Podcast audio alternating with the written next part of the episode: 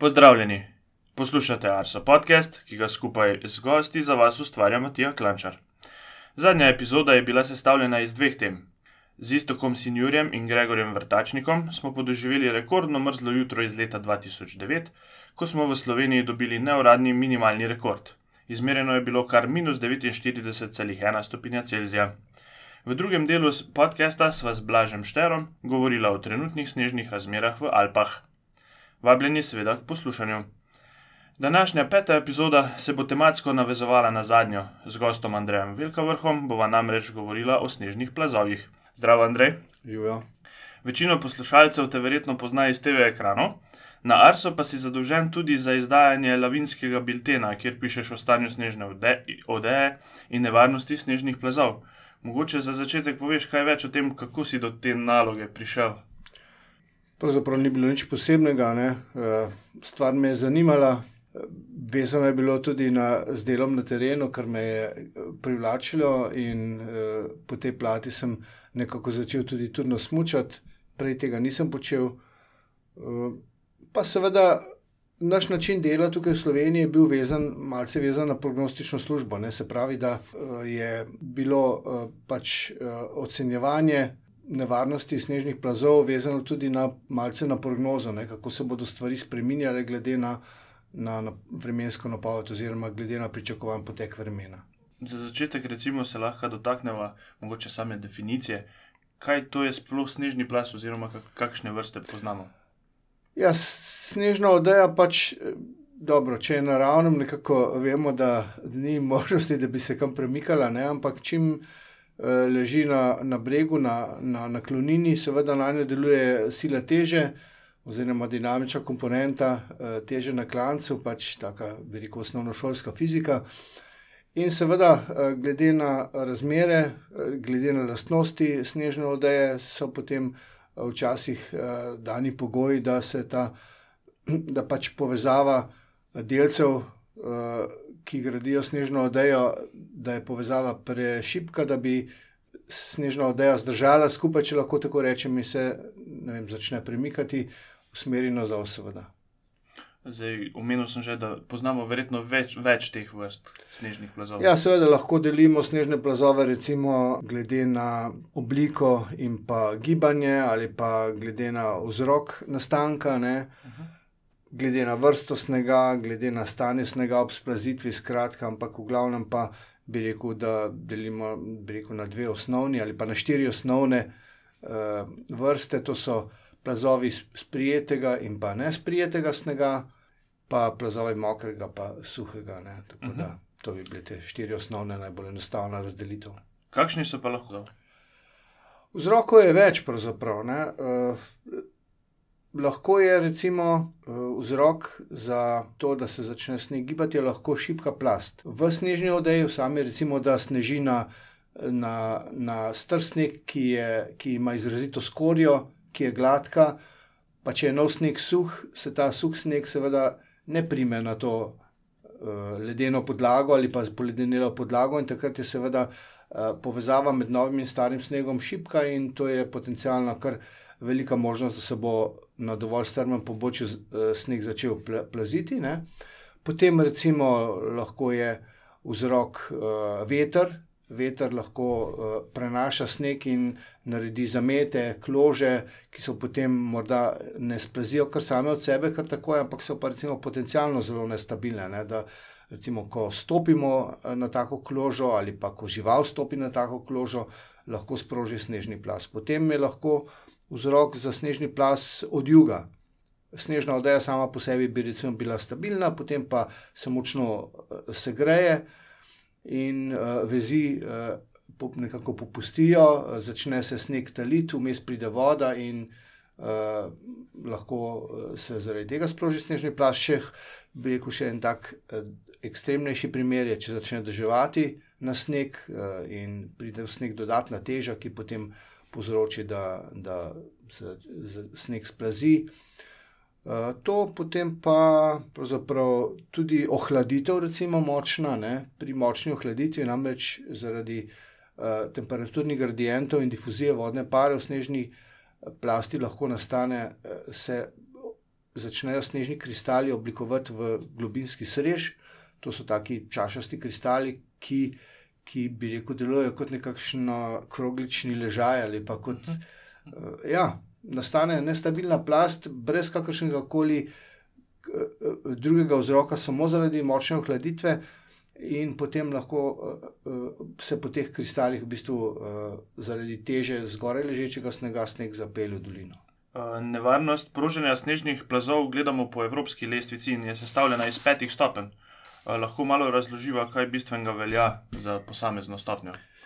Ja, torej, zdaj ne vem, koliko let smo že člani, oziroma že uporabljamo to petstopensko evropsko lestvico. Ne? Kar nekaj let je trajalo, da so se ali pa smo se evropske države uskladile in dejansko vse sprejele to lestvico. Recimo, Francozi so imeli prej, mislim, sedem, sedem stopensko, recimo nekaj so uporabljali štiri stopensko in tri stopensko in tako naprej.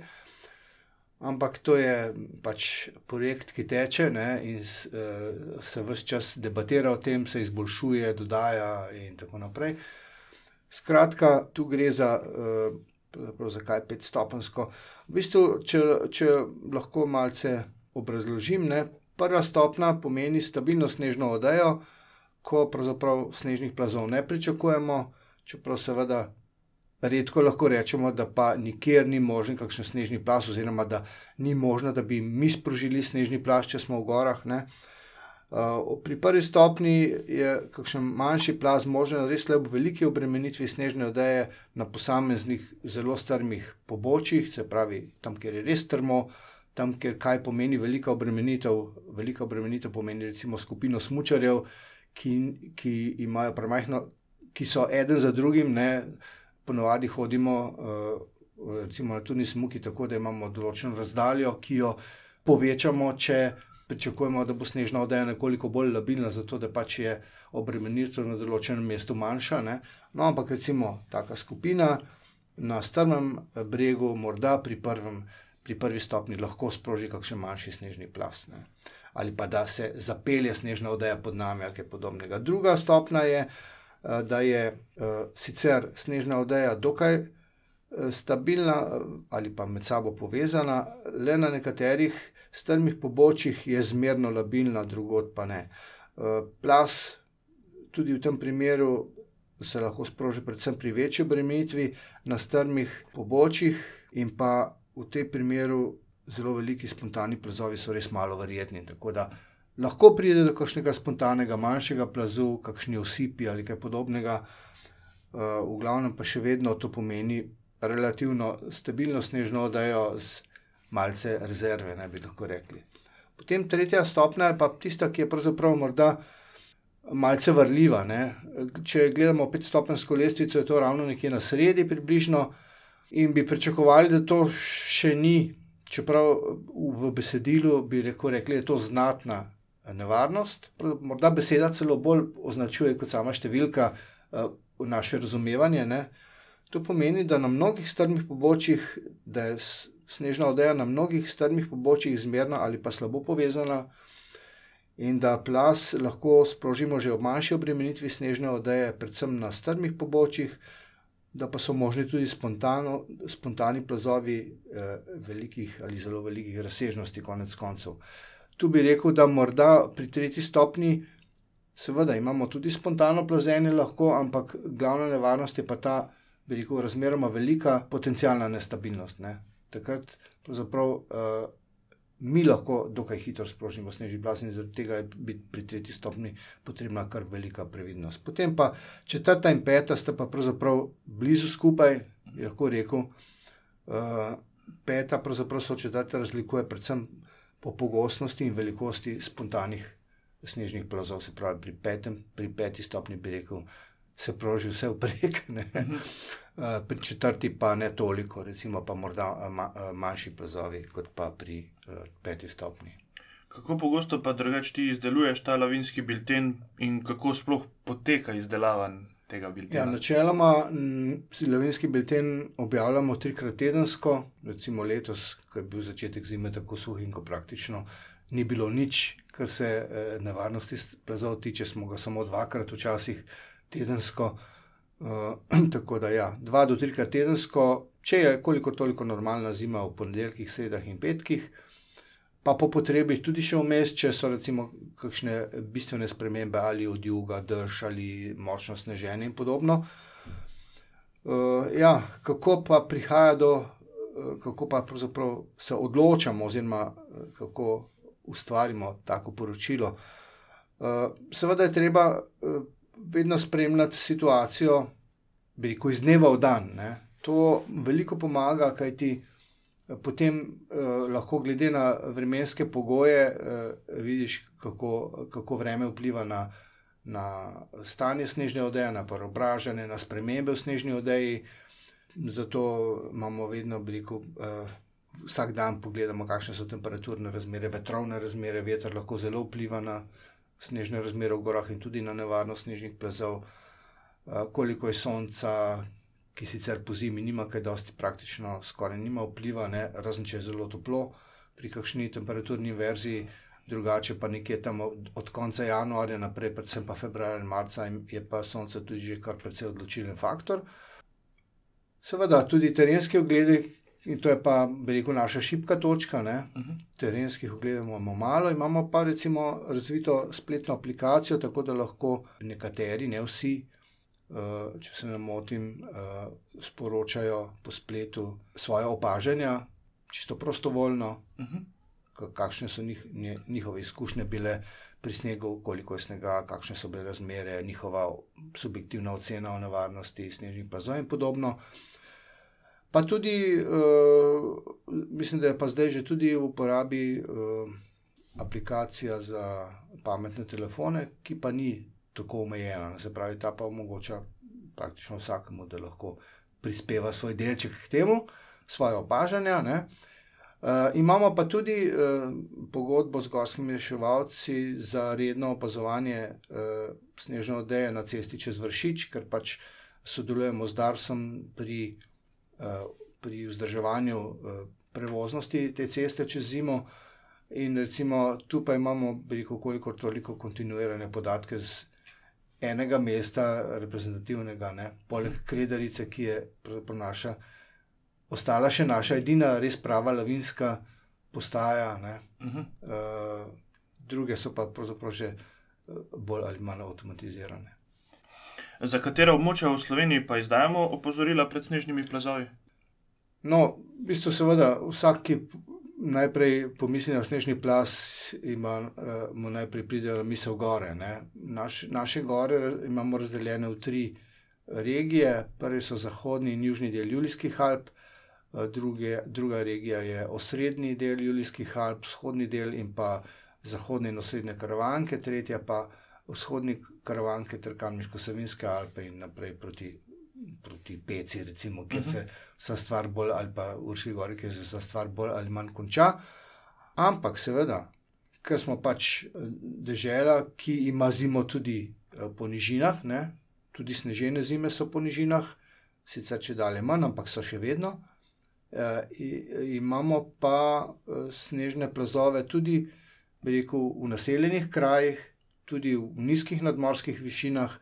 Tako da, uh, ja, kadar so take razmere, v bistvu opišemo in opozarjamo tudi na razmere uh, drugot po Sloveniji, če pač so uh, razmere take, da bi lahko prišlo do kakšnega plazenja. Uh mhm. -huh. Um, drugače sodelujemo tudi s kakšnimi sosednjimi državami, drugač glede teh opozoril pred ja, snežnimi plazovi. Seveda, ravno zdaj je tudi en, v teku en projekt Cross Risk, ne, drugače pa predvsej z Avstrijo, pa tudi z Italijo. Te, kar je pravzaprav bistveno, vedno je treba najbolje sodelovati s sosedi, skušamo tudi nekako vzpostaviti en sistem, da bi. Ko pišemo eni in drugi lavinska poročila, da bi se nekako uskladili in da, bi, da ne bi prihajali do prevelikih uh, razlik. Čeprav včasih razlike so, ne, to moramo vedeti. Naprimer, uh, karavanke, koliko niso ne vem, kakšni visoki hribi, ampak so včasih kar uh, izrazita klimatska ločnica, ne, ki lahko vpliva na to, kakšne so razmere. Na tej ali pa na drugi strani, kar se to, tiče snežnih. Mislim, da smo glih o tem, kaj več pred 14 dnevi povedali, ker so imeli Avstrijci res ogromno količino snega, pri nas pa zima takrat še ni bila tako izrazita. Ja. Um, če se pogledamo mogoče malce v zgodovino, je kakšen uh, zanimiv plas, oziroma kakšen tak mal bolj smrtonosen plas bil tudi v Sloveniji. No, zaenkrat je še najbolj tak smrtonosen bil v času Prve svetovne vojne, ne? tisti primer, ko so ruski ujetniki gradili uh, cesto čez vršič in jih je potem zasul plas. Uh -huh.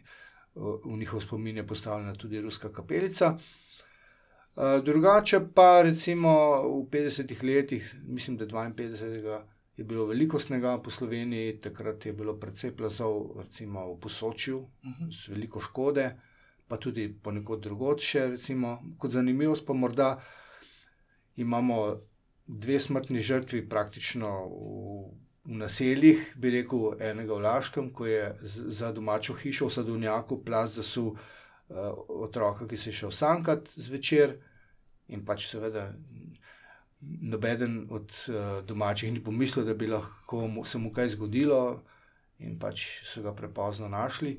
Pa v Halozah tudi se je zgodilo, da je plaz uh, povzročil smrt človeka. Seveda, to niso taki plazovi, da bi vem, uh, odnesli človeka, ne vem kako daleč, pa ga globoko zakopali, ampak.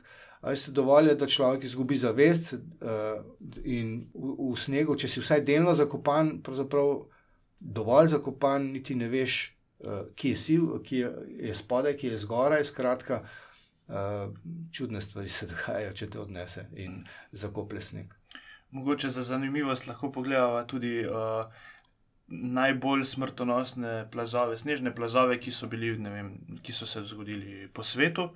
Uh, dva izmed naj, uh, najsmrtonosnejših treh sta se zgodile v bistvu v Perujskih Andih, iz njihove najvišje gore Huaskaran. Uh, In uh, leta 1962 je umrlo pri snežnem plazu 4000 ljudi, najbolj smrtonosen pa je se zgodil 8 let kasneje, leta 1970, ko ocenjujejo, da je zaradi pot ta takratnega potresa, kar močnega potresa, uh, približno 20 tisoč ljudi uh, izgubilo življenje, kar je pa res ogromna številka.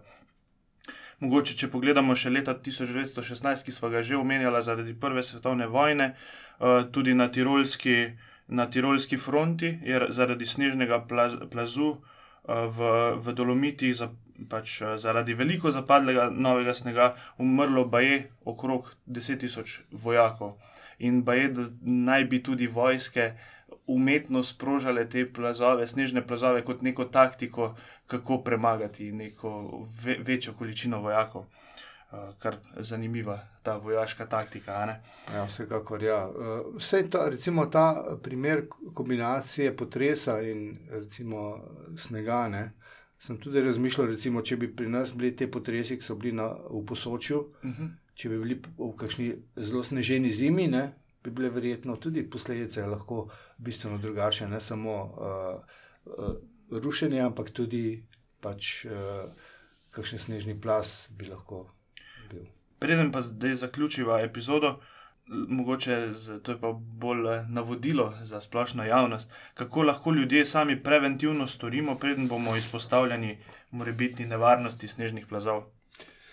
Ja, predvsem bi rekel, ne, preden se sploh podajate, če, če še nikoli niste bili, ali če, če imate željo, da bi šli po zimi v hribe, ne, je predvsem dobro, da se udeležite kakšnega tečaja, ki ga po Sloveniji, ki jih verjetno po Sloveniji ne manjka, ne? samo malce se morate ozreti okrog sebe, kakšne gorske reševalne službe ali, ali pa planinska društva organizirajo. Uh, recimo Planinska zveza organizira dan varstva pred snežnimi plazovi.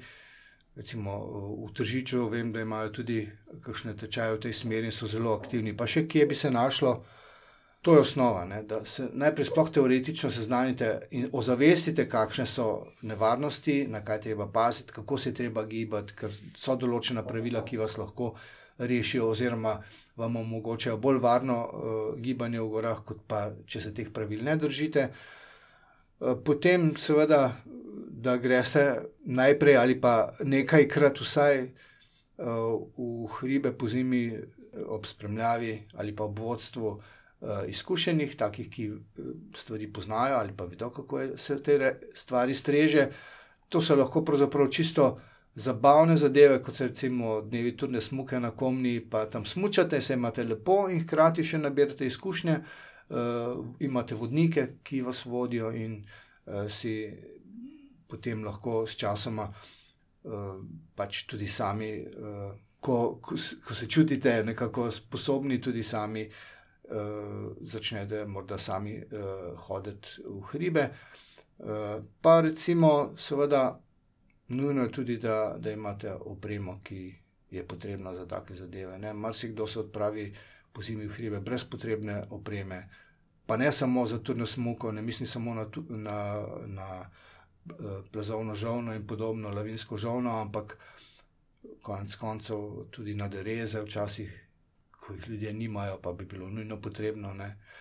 Uh, cepin, kako se uporablja cepin, kombinacija uporabe, da pri derezah ne smeš uporabljati, recimo, smočarskih palcev, ampak res cepin in podobno. Skratka, vse to je pomembno, preden začnete uh, po zimi hoditi v gore. Gore po zimi so lepe, uh, res uh, celo lažje je, dosti krat hoditi, če niso uh, snežne razmere težke, sploh rekel, težke. Je celo lažje uh, uh, hoditi po zimi v hribih, kot pa poleti, ko je polno ne vem, nekih skal, grmovja in podobno. Ne, pa, če je koliko toliko snega, je, pa lahko greste kar. Rekel, skoraj da tam, kjer si sami izberete pot z očmi. Tako smo današnjo epizodo o snežnem plazu z, z Andrejem uspešno pripeljali k koncu. Eh, hvala za tvoj čas. Prosim. Vse komentarje, pohvale, pripombe in predloge nam lahko sporočite na elektronski naslov podcast.arso.afnago.si. Prav tako nas lahko najdete na družabnih omrežjih, na Twitter profilu Meteosi in Facebook strani Arso Vreme. Da ne boste zamudili novih epizod, se na podcast lahko naročite preko telefona v svojem podkastu Diamalcu. Za vas smo pripravili tudi video, kako se naročiti na podcast. Pustite nam kakšno oceno na Apple Podcast, da bodo za nas slišali tudi ostali. Da se bo naša beseda širila, pa nas priporočite k poslušanju svojim prijateljem, sodelavcem in znancem. Hvala za poslušanje in pozornost, obilo lepega vremena do naslednjič in se slišimo čez 14 dni.